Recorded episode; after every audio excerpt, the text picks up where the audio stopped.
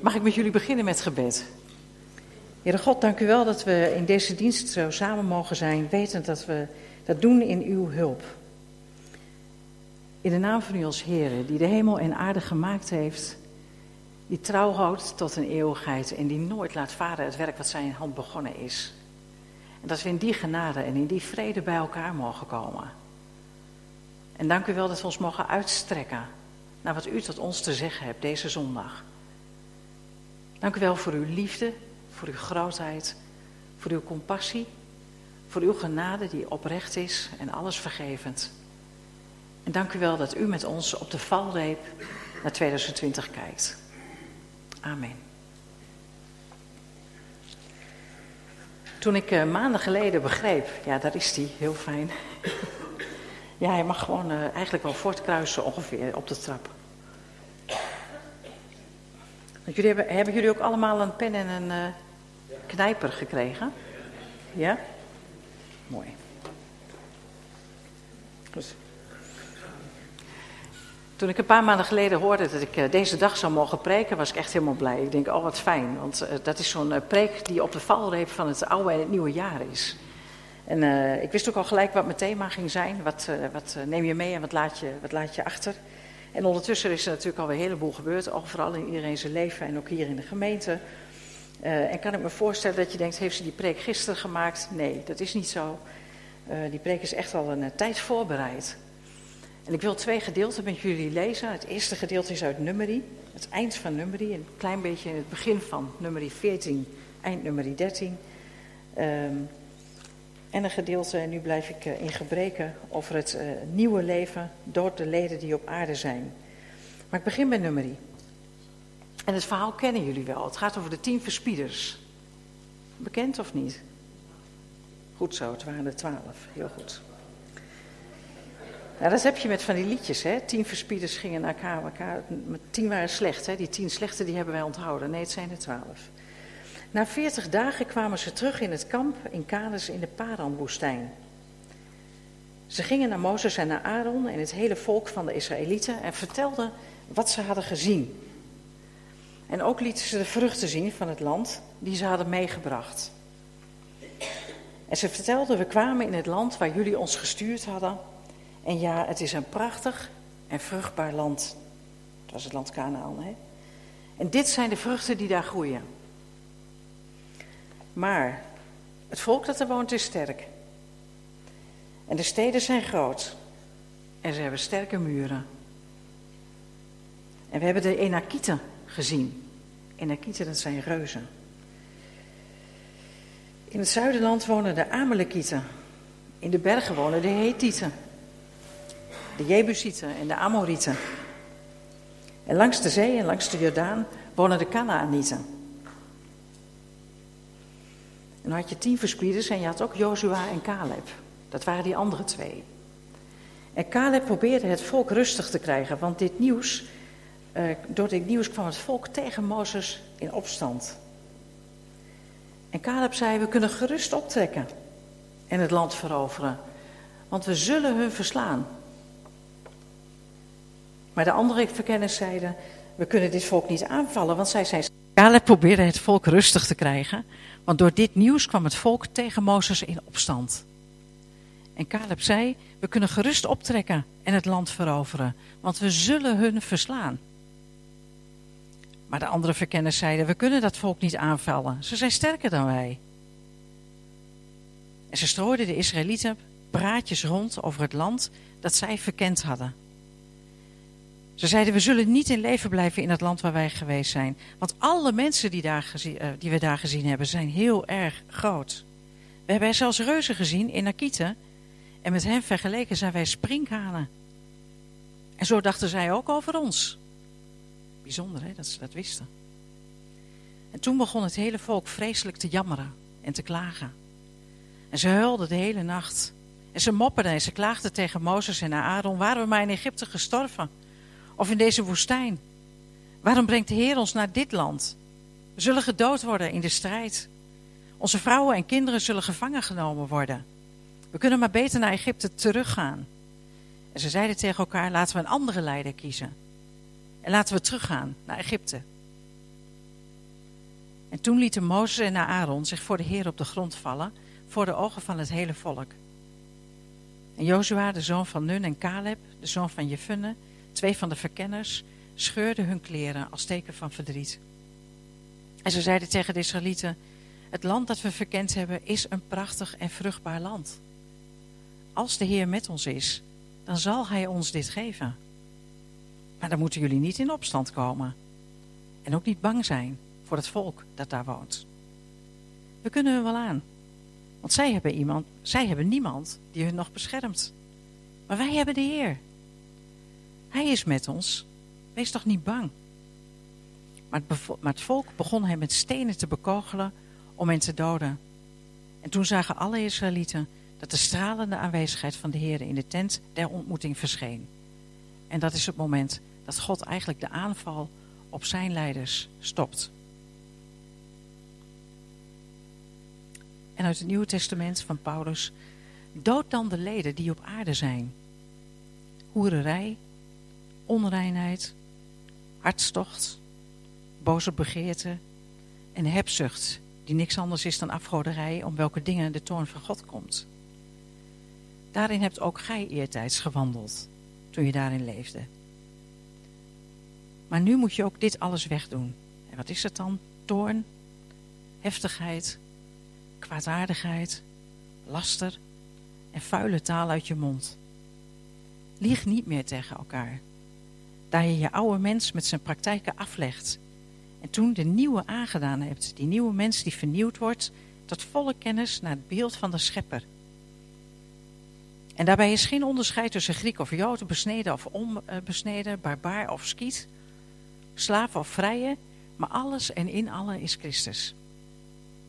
En doe dan aan als de God uitverkoren heilige en geliefde innerlijke ontferming, goedheid, nederigheid, zachtmoedigheid en geduld. Verdraag elkaar en vergeef elkaar. En als de een tegen de ander een grief heeft, zoals de Heer jou vergeven heeft, doe jij dat dan even zo. En doe bij dat alles de liefde aan als een band van volmaaktheid. En de vrede van Christus, tot welke gij immers in één lichaam geroepen zijt, regeren in uw harten. Wees dankbaar. Het woord van Christus wonen rijkelijk in je, zodat je in alle wijsheid elkaar leert en terechtwijst met psalmen, lofzangen en geestelijke liederen. God dankzeggend in uw harten. En alles wat je doet in woord of werkt, doe dat alles in de naam van de Heer Jezus, God de Vader dankende door Hem. Eigenlijk zou ik deze dienst willen beginnen met een eh, moment van kort gebed. Een stil gebed. Waarin we even onszelf uh, leegmaken van alles wat nu nog tussen God en ons instaat. Uh, even tot rust komen bij de Heer. Even aan zijn voeten zitten. Een moment van bezinning zo je wil. Uh, om even heel dicht bij God te zijn. Ik zal dat moment zelf afsluiten. Dank u wel Heer dat we aan uw voeten mogen zitten. Dank u wel dat u dan dichtbij komt. Dank u wel dat u ons ziet. Amen. We staan op de rand van oud naar nieuw. Ik weet niet hoe dat voor jullie is, zo'n periode als dit. Maar voor ons is het altijd wel een periode van bezinning. We kijken terug, het uh, afgelopen jaar. En we kijken vooruit naar het jaar uh, voor ons. En er zitten altijd uh, er zitten, emotionele momenten in van terugkijken. Maar ook naar mensen die je verloren hebt. Mensen die ons zijn voorgegaan. Die letterlijk zijn gaan hemelen.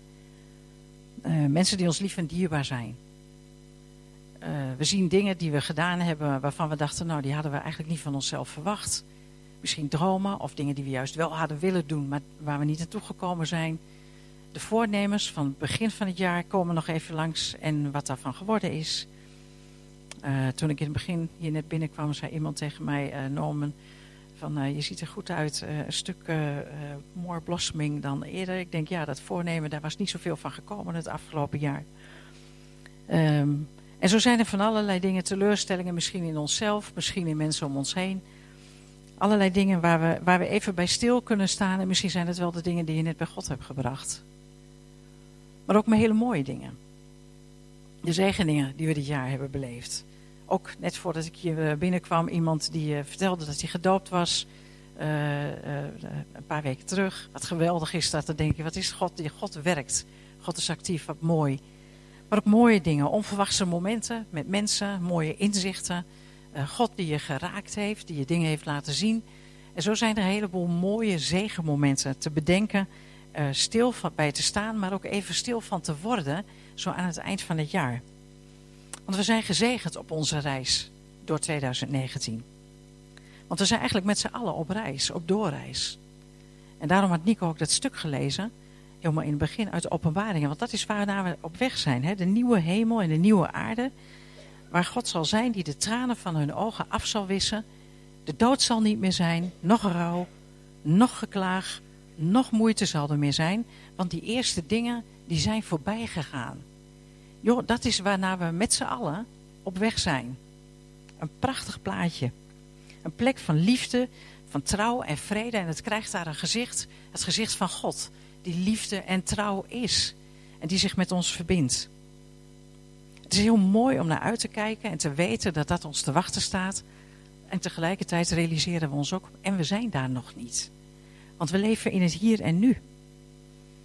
En in de wetenschap wat dus voor ons ligt, het einddoel, Paulus noemt dat hè, de, de, de kroon die voor je ligt, de krans die voor je ligt. Zo gaan we zo meteen 2020 in. Op reis. En we reizen ook niet alleen, ook al zijn we een individualistische cultuur, maar we reizen samen. En we zijn allemaal andere reizigers. Ik weet zeker dat hier mensen zitten, als ik het heb over een reis, dan denken ze aan een caravan. En ik weet ook zeker dat er mensen zijn die denken, nou laat die caravan maar zitten. Geef mij maar een hotelletje. En ik weet zeker dat er mensen zijn die zullen zeggen, nou ik vind een groepsreis enig. En anderen zullen zeggen, nou voor mij hoeft dat niet. En zo leven we ook onze levensreis. We, reizen, we, we, we leven hem samen, we reizen hem samen, maar toch ook weer apart. Met je eigen stijl, met je eigen dingen. En de een heeft graag een reis die wat rustig is, een levensreis die wat rustig is. Boompje, huisje, beestje.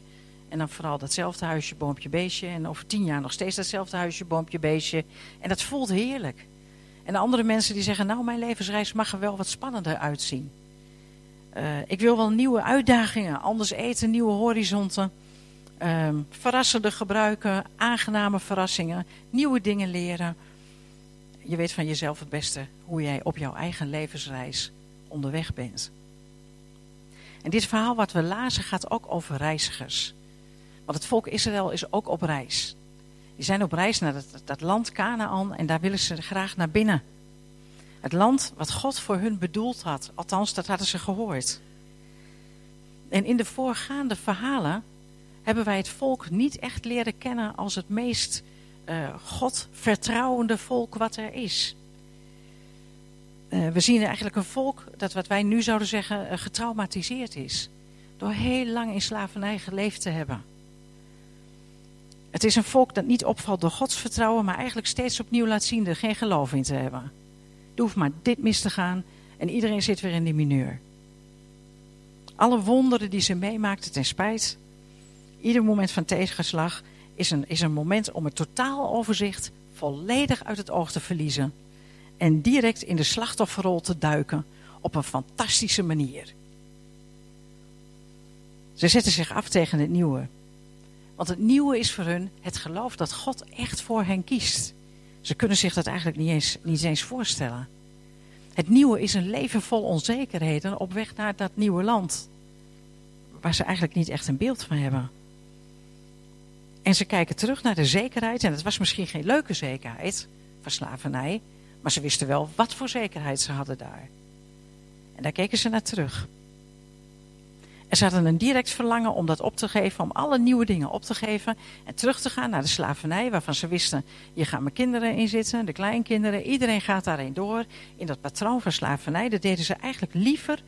En dan wilden ze ook liever het leiderschap betwijfelen wat sterker nog, ze waren bereid om de hele boel te stenigen als het aan hun lag. En dan vanuit wanhoop en agressie de verkeerde dingen te doen en te roepen, te zeggen en stappen te maken vanuit volledige machteloosheid.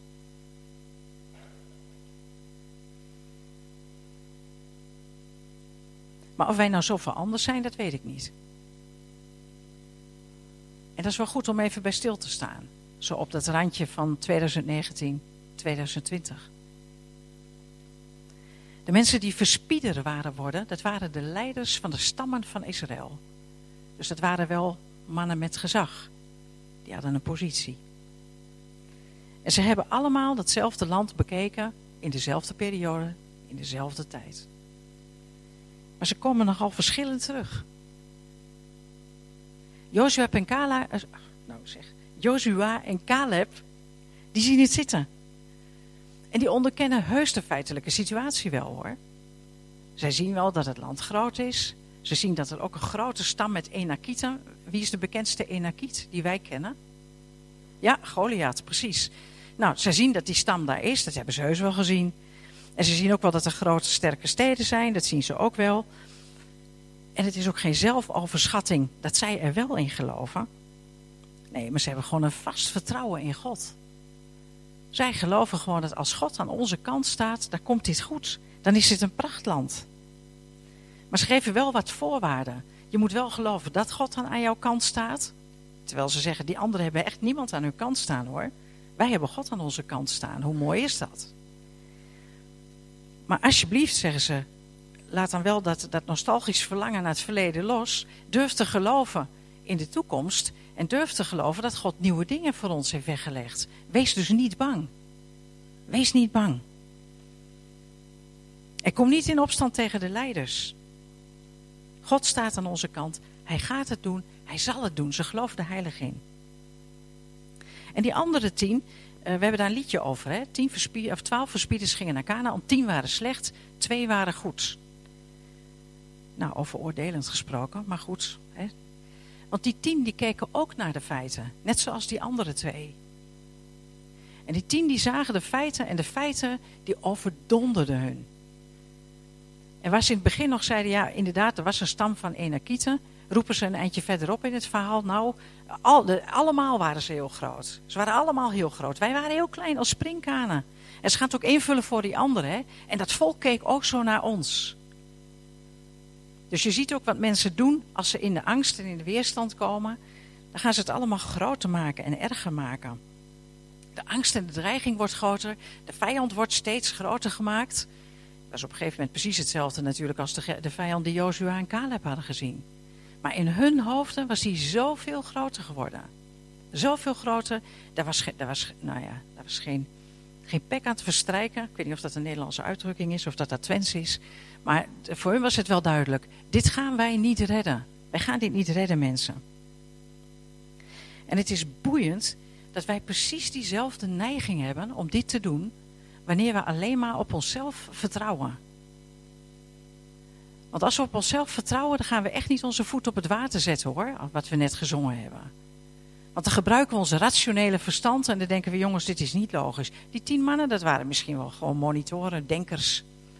Denkers, die dachten gewoon na en die dachten, nou, dit wordt hem niet. Gebaseerd op de feiten wordt dit hem niet. En gebaseerd op het legertje van ons. En dan keken ze naar hun volk en dat waren allemaal ex-slaven. Nou, dat was ook niet de meest uh, militaire machine, zeg maar. Dus qua nuchterheid hadden ze waarschijnlijk nog gelijk ook. En door dat te brengen, brengen ze een heel volk eigenlijk uh, ja, met de gave van de ontmoediging in de machteloosheid. Weg alle geloof. Weg alle historie. Weg, weg elke gedachte aan de wonderen die ze gezien hebben bij het uittreden uit Egypte. De wonderen die eraan vooraf gingen. Altijd op tijd water.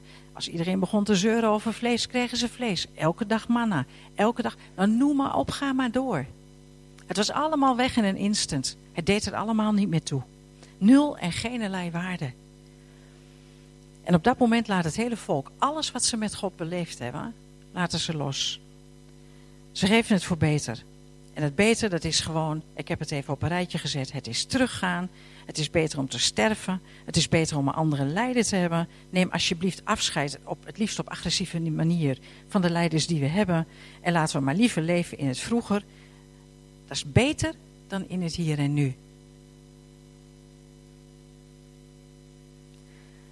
Iemand zei een keer tegen me, het volk Israël lijkt net een kind.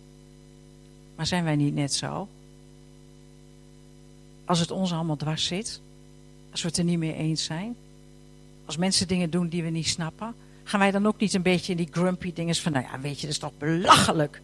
Belachelijk dat ze zo met me omgaan. Het is belachelijk dat dit wordt gezegd. Belachelijk dat dit gebeurt. En dan kunnen we net als dat volk Israël, en wij gooien dan niet met, met stenen, hè, dat doen we niet. Hè. Wij gooien gewoon met woorden, daar zijn we net zo goed in trouwens. Maar dan hebben we eigenlijk datzelfde gedrag. En het probleem wordt in onze ogen steeds groter en groter en groter. En hoe langer je wacht met het oplossen, hoe groter het wordt.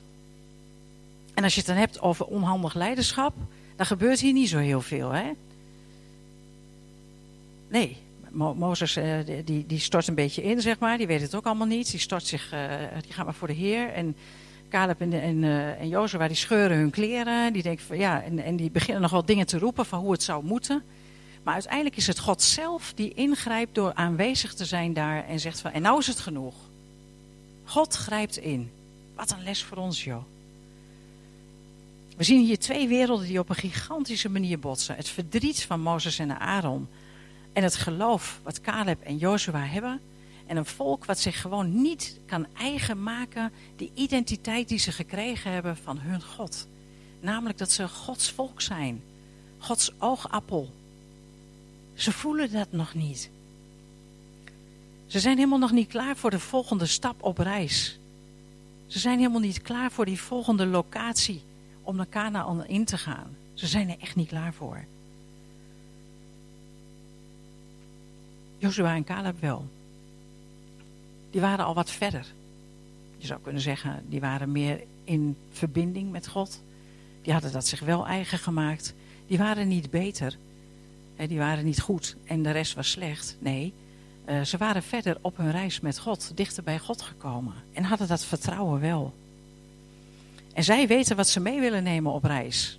Zij willen die reis wel maken naar, het, naar Canaan. Zij zeggen van nou, we nemen God mee. Wat? God neemt ons mee. Hoe mooi wil je het hebben joh? Mensen, kinderen, pak dat nou. En ze willen het volk wel door elkaar schudden. Maar het werkt niet.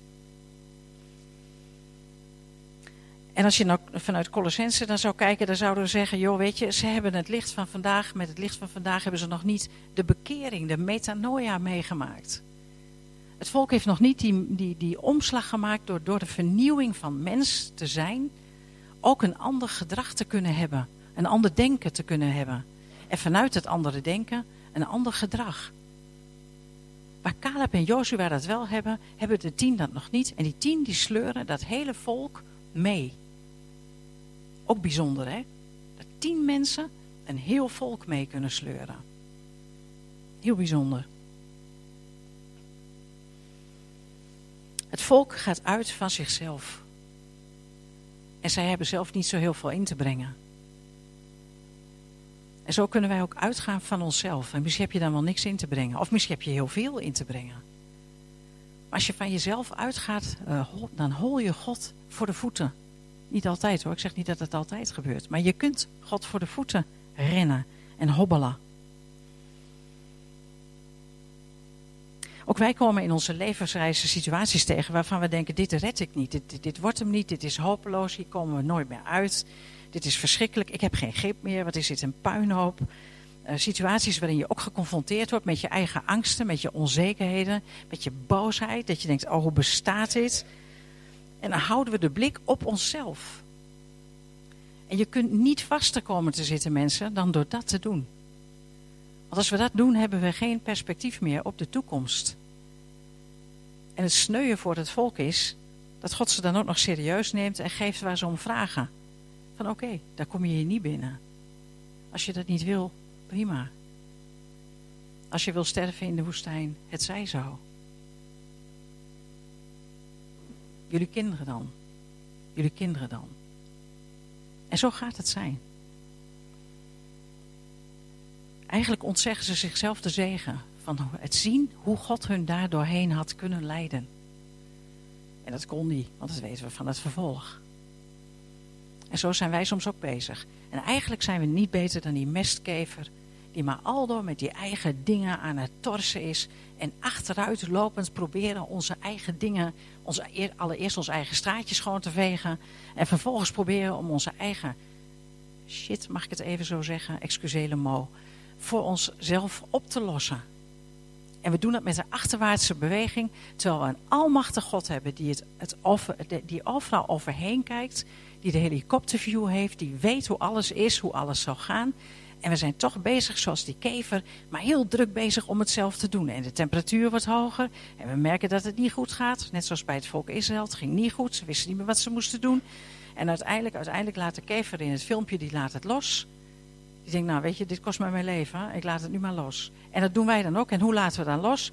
Donk. Ik laat het los. En ze bekijken het ook maar. Dit hoeft niet meer van mij.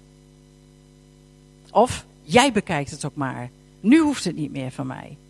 En zo kun je nog een eindje verder, hè? Over, je werk, over relaties, over noem maar op. Joh, we zijn geen haar beter dan het hele volk Israël. Maar we zijn wel ook op reis, net als zij. Hier stopt hun reis. Of eigenlijk is de rest van hun reis alleen maar einde. Einde oefening, zouden wij zeggen. Dus ze moeten weer terug die woestijn in, wetend dat dat het eind van hun leven gaat zijn. Ik zou zo niet gemotiveerd zijn. Dus er zijn ook nog een paar mensen die denken, nou ja, als God ons toen wilde helpen, misschien helpt hij ons nu ook wel. Gaan we toch nog even proberen. En die worden dus niet geholpen, gaat mis. Weet je, het is niet door kracht of geweld, maar door mijn geest. Het is niet op ons initiatief of op ons het wel even zullen regelen. Het is niet op ons regie nemen. Het is op basis van de regie van God. En God daagt ons uit, daagt jou uit, mij uit, om ook nu op die valreep van 2019, 2020 te kijken van, hé, hey, maar wat neem ik nou mee naar 2020? En waarvan denk ik, dit laat ik met alle plezier achter. Maar nou zeg ik dat wel met alle plezier, maar het is niet met alle plezier, want die mestkever blijft ook maar doorgaan. Want het is soms handiger te weten dat je iets hebt waar je mee zit, dan dat los te laten en te denken, ik ben ervan vrij. Want dan ben je opeens weer zelf verantwoordelijk, dan moet je er zelf weer wat mee. Hè? Het is altijd fijn als je naar iemand anders kan wijzen en weten van, ja, maar die persoon in de gemeente, die zit mij wel behoorlijk dwars hoor. Of die mevrouw, of die meneer, of mijn ouders, of mijn, kinderen, of dus voor we het weten zijn we weer die mestkever. En ik hoop zo dat we in 2020 niet die mestkever zijn. Die met die, met die ballen blijft, blijft. Maar dat we die weg durven geven, los durven laten en bij God durven leggen. En daarom heb je dit gekregen. Ik dacht, ja, een symbool, ik kan jullie niet laten schrijven op een mestbal. Bovendien, waar haal je die zo snel vandaan? Dus ik heb in plaats van een mestbal heb ik maar een knijper genomen als symbool. Een symbool van iets wat jou vasthoudt, wat je vastknijpt, wat je tegenhoudt. Wat eigenlijk tussen jou en God instaat, waardoor je niet vrij staat. En waardoor je, excuseer, waardoor je ook niet vrij 2020 ingaat. Een mestbal, zo je wil. En een zwart pennetje, om erop te schrijven. Maar ik ga je straks vragen om erop te schrijven. En dan naar Paulus. Want Paulus bouwt daar eigenlijk op door, hè? maar dan als Nieuw-Testamenticus. Die bouwt door op het niet door, niet door kracht of geweld, maar door mijn geest. Want dan gaat het om het volgen van God, om het volgen van Christus. Christus die met zijn genade jou en mij vergeven heeft. Met andere woorden, ik ben niet beter dan jullie. En wat ook heel fijn is, jullie zijn ook niet beter dan ik. God heeft ook geen lievertjes. Hè? Er zitten hier niet een paar mensen in de kerk die God extra lief heeft. Ook niet omdat ze een bepaalde taak hebben. Omdat ze bijvoorbeeld koster zijn of weet ik veel, hè, of spreker. Nee, voor God zijn we allemaal gelijk en we zijn zijn gezin en hij houdt van ons allemaal evenveel. Heerlijk is dat. Maar hij houdt wel zoveel van ons dat hij niet wil dat we, dat we hetzelfde blijven. Hij houdt wel zoveel van ons dat hij ons gunt dat we blijven ontwikkelen. En dat we dus dingen loslaten, patronen loslaten. Zonde durven los te laten. Misschien mensen durven los te laten. Misschien emoties durven los te laten. Want oh, wat zijn die toch lekker soms, hè, die emoties. Of activiteiten los durven laten. Die tussen ons en God instaan. Ik gun ons zo dat we durven loslaten. En niet door blijven zwoegen. Want één ding is zeker. Als je door blijft zwoegen in je eigen kracht. Dan gaat de bal met je aan de haal. Hè? Dat hebben jullie gezien. Dan gaat de bal met je aan de haal. En er zijn er alleen maar verliezers. Voor ons geen Canaan. Wel een, mooi, mooie nieuwe hemel en een nieuwe aarde in het verschiet. Maar wel een nieuw jaar, 2020. Ik vind het zo gek, de zon schijnt zo lekker. Ik reed hier naartoe en de zon scheen. Het was prachtige, mooie lucht heb ik altijd op de een of andere manier. Als ik hier naartoe kom, word ik altijd heel blij van. En we vieren het oud en nieuw vieren we met fantastische maaltijden, met nieuwe kleren. We hebben partijtjes. We realiseren waarschijnlijk met elkaar weer een kapitaalvuurwerk. We hebben spelletjesavond. En voor mij is de vraag die ik je mee zou willen geven, om, uh, voordat je weggaat, van hé, hey, wat neem je mee naar 2020 en wat laat je achter?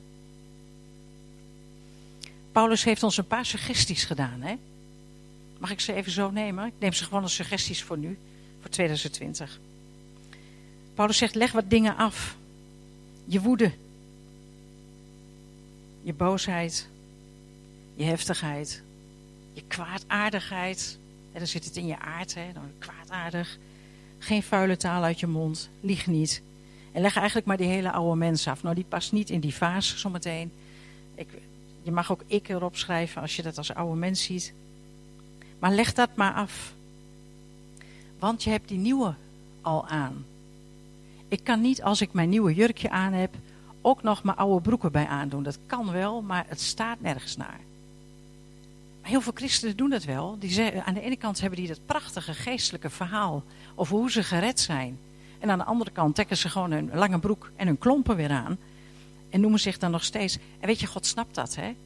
God snapt dat. Paulus snapt dat ook. Maar hij geeft ons daarom die suggesties ook. Van doe dat niet, doe dat niet. Leg het af, joh. Leg laat het los, leg het af. En net zoals je bij een reis een keuze maakt van wat je meeneemt. En dat is ook weer anders. Hè. Ik, uh, we hadden iemand op bezoek, een leuke Japanse uh, uh, medestudent van Lieselot. En die kwam met een, een heel klein rugzakje. en daar had hij blijkbaar genoeg aan. En Lieselot had wat meer bij zich, zeg maar. dus we hebben ook allemaal onze eigen dingen die we meenemen. Er is allemaal weer steeds een keuze. En dat vind ik ook het mooie, dat de Bijbel ook over die keuze spreekt. Weet je, de Bijbel had dit verhaal niet hoeven hebben, hè? Het verhaal van, van die verspieders. Want laten we eerlijk zijn, het is toch wel een beetje een afgang. En dan moeten ze weer onderweg en zo. Het is niet echt een succesverhaal. Maar ik vind het zo mooi dat de Bijbel die verhalen wel heeft. Omdat hij ook weet, de Bijbel vanuit God komt. En God weet dat wij niet altijd overwinnaars zijn uit onszelf.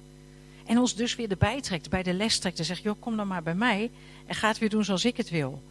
Want al die verhalen van die beschadigde, gekwetste, gebroken mensen in de schrift, daar is steeds weer God die daar weer de helpende hand biedt. En zegt, ja, ik kom jou helpen, ik trek jou hier uit. Dus ook al voel je je terecht gekwetst.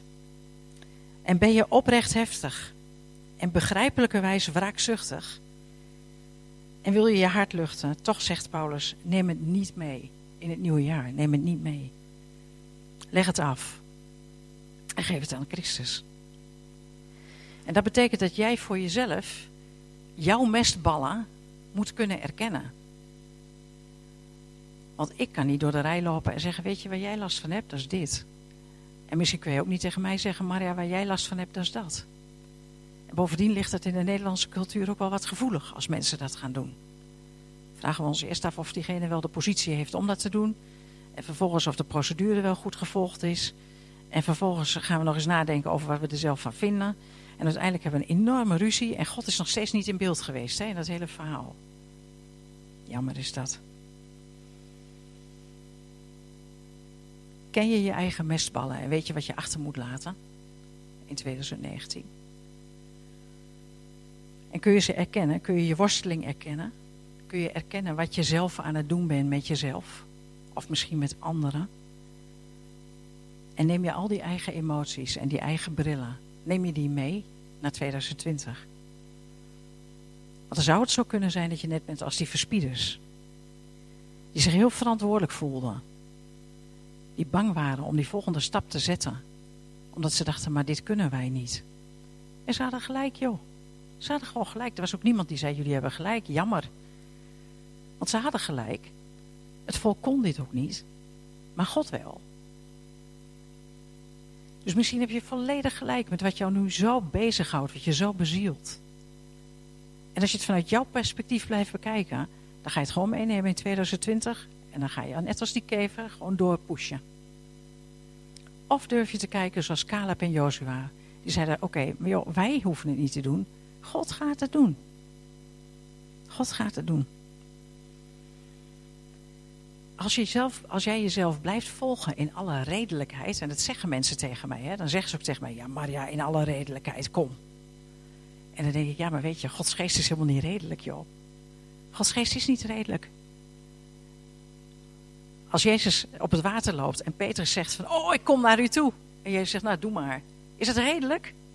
Gaatje in je hoofd. Dat is helemaal niet redelijk joh. Dat is echt niet redelijk. Ja, wij kennen het verhaal, dus we vinden het heel normaal. Dat is echt niet normaal. Nee, dat is niet normaal. Dus als we dat durven los te laten, dan durven we pas weer uit te stappen op het water. En dan durven we te kijken met de ogen van God. Dan durven we misschien wel doldrieste stappen te zetten. In vertrouwen naar elkaar. In vertrouwen naar God. Die we anders nooit gezet hadden. En jezelf vastzetten, dat mag altijd. Je mag alles, dat weet je. Maar het is wel een heilloze weg. En het is net als met de hemel en de hel. God stuurt niemand naar de hel. Mensen maken zelf een keuze. Ze willen niet in de hemel zijn. En God respecteert die keuze. En zo is het ook in Canaan. God respecteert de keuze. Mensen gaan niet naar Canaan. En zo gaat God ook met ons om. Wij hebben een keuze.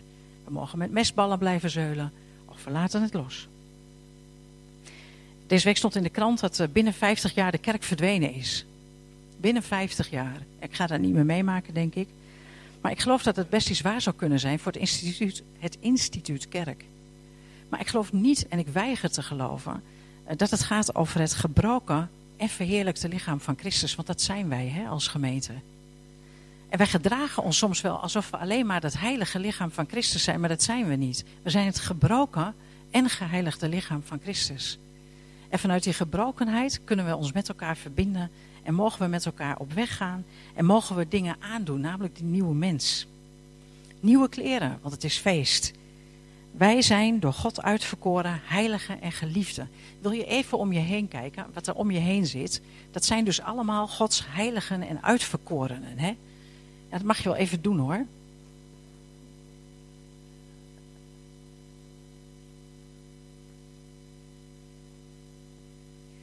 Dus ik kan nooit zeggen, ik wil met jou niet praten. Want jij bent Gods heilige en uitverkorene. En als God zegt van raak mijn oogappel niet aan en dan gaat het over Israël. Hoe denk je dat hij dan naar ons kijkt als kinderen van hem? Als gezin van God. Hoe reageer jij zelf als iemand aan jouw kinderen komt? Nou, ik weet wel dat ik word een tijger. Echt. Alle vriendelijkheid is in één keer vertrokken. Ik heb daar nog wat te leren. Maar laten wij dan niet, laten wij dan niet wel zo met elkaar omgaan. Dat we denken, oh nee, die hoef ik niet. Oh nee, die sluit ik bij. Oh nee, die... Nee, dat doe je in een gezin ook niet. Dat is ook lastig soms. Maar dat doe je gewoon niet. Want wij zijn allen, zoals we hier zitten, door God uitverkoren, heiligen en geliefden. Oeh, we zijn de geliefden hè, van God. Jij en ik. Nou, als je nou niet al een warm gevoel hebt na 2020, hoop ik dat je dat krijgt. En wat moeten we aandoen dan? Want we gaan, we gaan op weg brandend hart. En wat doen we aan? Innerlijke ontferming. Innerlijke ontferming. Dan is er geen plaats hè, voor cynisme. Dan is er geen plaats voor kritiek. Want er is innerlijke ontferming. Goedheid. Nederigheid. Nederigheid is, is, de, is de ander uit te nemen erachter dan jezelf. Hè? Niet boven iemand gaan staan. Dat is nooit op je positie gaan staan. Hè? Dat is geen top-down leiderschap. Maar dat is dienstbaar leiderschap. Van onderaf naar boven. En faciliteren. Elkaar helpen.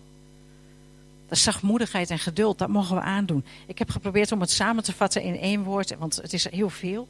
Ontferming, goedheid, nederigheid, zachtmoedigheid, geduld. Ik heb het compassie genoemd.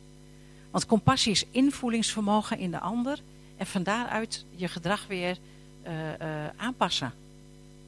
Want dan ga je niet vanuit je eigen hardheid handelen. Verdraag elkaar en vergeef elkaar. En als de een tegen de ander een grief heeft, vergeef hem dan. Er staat eigenlijk niet eens van je moet het dan uitpraten. Dat staat er eigenlijk niet, hè? Nee, als je, tegen de, als je een grief hebt tegen iemand, dan moet je hem gewoon vergeven. En dan kun je er dus ook niet later nog op terugkomen, maar weet je, maar toen en toen is dat en dat gebeurd. Nee, als de een tegen de ander een grief heeft, als ik tegen jou een grief heb, dan moet ik jou vergeven. En als ik dat niet kan, ja, dan moet, heb ik er hulp bij nodig. En dan moet ik jou er misschien wel bij halen. Maar in de eerste instantie is het gewoon een zaakje tussen jou en God. Dat is wel even wat anders hè, dan wij in onze westerse cultuur ervan maken. En doe dan bij dit alles de liefde aan. Want de liefde is de band van volmaaktheid. En als we dat gedaan hebben, als we dit allemaal hebben, die hebben we die band van volmaaktheid hebben we erbij, liefde, dan komt de vrede van Christus. En dan realiseren wij ons weer van, oh ja, want wij waren tot één lichaam geroepen. En dat lichaam wil ik graag meenemen naar 2020. Want ik kan niet zonder dat lichaam. Maar misschien ben ik het pinkje en jullie waren het de schouders of de handen, de voeten. Het woord van Christus wonen rijkelijk in jullie, zodat je in alle wijsheid elkaar leert en terechtwijst en met psalmen, lofzangen en geestelijke liederen zingend God dank brengt. Ik vind dit zo mooi, hè? Je hebt dus eerst die ontferming aangedaan, want er staat zoveel in. Het begint eigenlijk met je identiteit. Weet je geliefd. Wij zijn geliefden. Daar begint het echt mee. Jij bent een geliefde van de Heer. Wij zijn uitverkorenen. Allemaal, hè, zoals we hier zitten. Allemaal uitverkoren. Geen één uitgezonderd. En vanuit die identiteit mogen we een houding hebben. Daar ging het, het volk eigenlijk mank. Dat, dat konden zij nog niet. Maar wij hoop ik wel. Een houding van ontferming en goedheid. Een houding van compassie. Naar elkaar, naar de ander, naar de wereld om ons heen. En als we die houding kunnen aannemen, dan leidt het tot gedrag. Tot verdragen en vergeven. Dat wil niet zeggen dat je alles maar oké vindt. Hè? Dat is wat anders. Dat is over je heen laten lopen. Daar heb ik het niet over. Maar wel verdragen en vergeven. Dan doen we de liefde aan en dan denk je, nou, nou is het helemaal klaar. Hè? Want de liefde is een persoon, dus we leven in en door Christus. En liefde is niet een dingetje, dat is een persoon. Dus we mogen in Christus leven. En dan is er vrede en dan is er dankbaarheid. En dan denken we, nou, nou zetten we er een punt achter. Maar dat doet Paulus niet. Want Paulus zegt ook op jouw reis naar 2020 zul je dan nog tegenkomen dat we na die, daarna nog toch dat woord van God moeten hebben om ons mee te vullen, zodat we elkaar in wijsheid kunnen leren en terechtwijzen. Joh, dat blijft. Er is geen gemeente zonder gedoe. Er is geen enkele gemeente waar niet is zo nu en dan de, de, de koppen botsen. Waarom? Omdat het in de Bijbel staat. We zullen elkaar ijzer als ijzer scherpen. Heb je dat wel eens zien? De vonken, uh, die vonken vliegen eraf hè, als je dat doet met, als ijzer, ijzer scherpt. Het hoort bij gemeente zijn. Het hoort erbij. Ja, daar wil ik geen zin in. Ja, dat maakt niet uit. Het staat in de Bijbel. Gaat toch gebeuren. Het is niet leuk. Nee, het is niet leuk. Ja, ja maar we gaan niet met, als een stelletje kinderen met elkaar om. Dat doen we niet. We gaan als volwassen christenen met elkaar om. En als we dat nog niet zijn, dan gaan we elkaar helpen om dat te worden. Het hoort er dus gewoon bij. Een leven lang leren is niet alleen voor het bedrijfsleven. Een leven lang leren begint in de gemeente. En bij dat alles, bij dat alles, maar dat allemaal, hè, waar ik het nu over gehad heb in die paar minuten, in dat allemaal, daarin mogen we dan God danken om alles wat we denken, voelen, willen en doen. Nou, daar kan ik een preek op zich over geven, ga ik niet doen. Misschien denk je dan wel van, joh, je makkelijk praten, maar ja, weet jij veel. Je weet echt niet hoe ik gekwetst ben. En je weet echt niet wat ze op mijn werk mij aan hebben gedaan. Hoe ze me thuis op mijn ziel hebben getrapt. Hoe ik worstel met uh, verraad door een partij, mensen, een bedrijf. En je hebt helemaal gelijk. Ik weet dat ook niet. Maar God weet dat wel. God weet dat wel. En ik ga niet de rijen rond. Maar God wel. En daar heb ik ook voor gebeden, hebben wij voor gebeden. God die wil, wil ons uitnodigen. Joh, neem afscheid van je mestballen. Neem er gewoon afscheid van. En waarom? Omdat het gewoon de volle zegen van God in de weg staat. Die hij zo overvloedig wil geven. Het volk, het hele volk, wat dat op dat moment leeft, alle ouderen, alle volwassenen, missen Canaan. Allemaal. Als je daarbij stilstaat, is het om koud van te worden. En zo kunnen wij ook zoveel zegen missen. Als we niet dingen los durven laten en vrij durven zijn in Christus. Alles wat er tussen jou en, en, God in staat, wat er tussen mij en God in staat, daar is hij voor gestorven. Alles wat er niet klopt, elke kromheid, hoe banaal ook, hij heeft het allemaal op zich genomen. En dat is waarom ik die vaas meegenomen heb. En ik heb de toestemming gekregen om twee rode vlaggen te gebruiken als symbool van Gods bloed over deze dingen. Want ik ga je vragen om uh, zometeen de, die, uh, die knijpen te pakken. uh, de band zal spelen. Um, en daar op te schrijven wat je achter wil laten in 2019. En ik zou je willen vragen om het, als je dat gedaan hebt, om dat hier in die vaas te stoppen. Hij is heel hoog, dus je kunt niks zien wat een ander geschreven heeft. En dan zijn we hem kwijt. Dan, dan nemen we daar letterlijk fysiek afstand van. En dan leggen we daar zometeen die twee vlaggen overheen. Omdat we als symbool van dat we dat ook werkelijk bij God laten. Dat het goed is. En zodat we ons weer realiseren van, hé hey ja, we zijn allemaal mensen die met dingen lopen. En God zegt eigenlijk van, joh, geef die maar aan mij. Want ik ga dat voor je dragen. Ik neem dat voor je weg. Zodat jij weer vrij voor de zegen en mijn zegen kan staan. En God geeft verlossing aan jouw buurman en aan jou. En daarom moeten we ook elkaar vergeven. Dus als er nog wat zit tussen elkaar, dan zou ik zo zeggen, gooi die ander in die vaas en laat die ander los. Nou ja, je snapt wat ik bedoel. Ik ga afsluiten. We staan op de valreep. Uh, op, op, naar nieuwjaar 2020. Ik kijk er naar uit. Ik heb er zin in. We hebben een keuze. Een keuze voor onszelf. Hoe we dit jaar in willen gaan. Ik zou je willen vragen om uh, de pen en, het, uh, en, jouw knijpen te pakken. En op te schrijven. Wat je los wil laten. Misschien is het mogelijk dat de muziek ondertussen wat speelt. En wat we op hebben geschreven, laten we dat bij het kruis brengen. Door het in die vaas te stoppen. En het bij God te laten.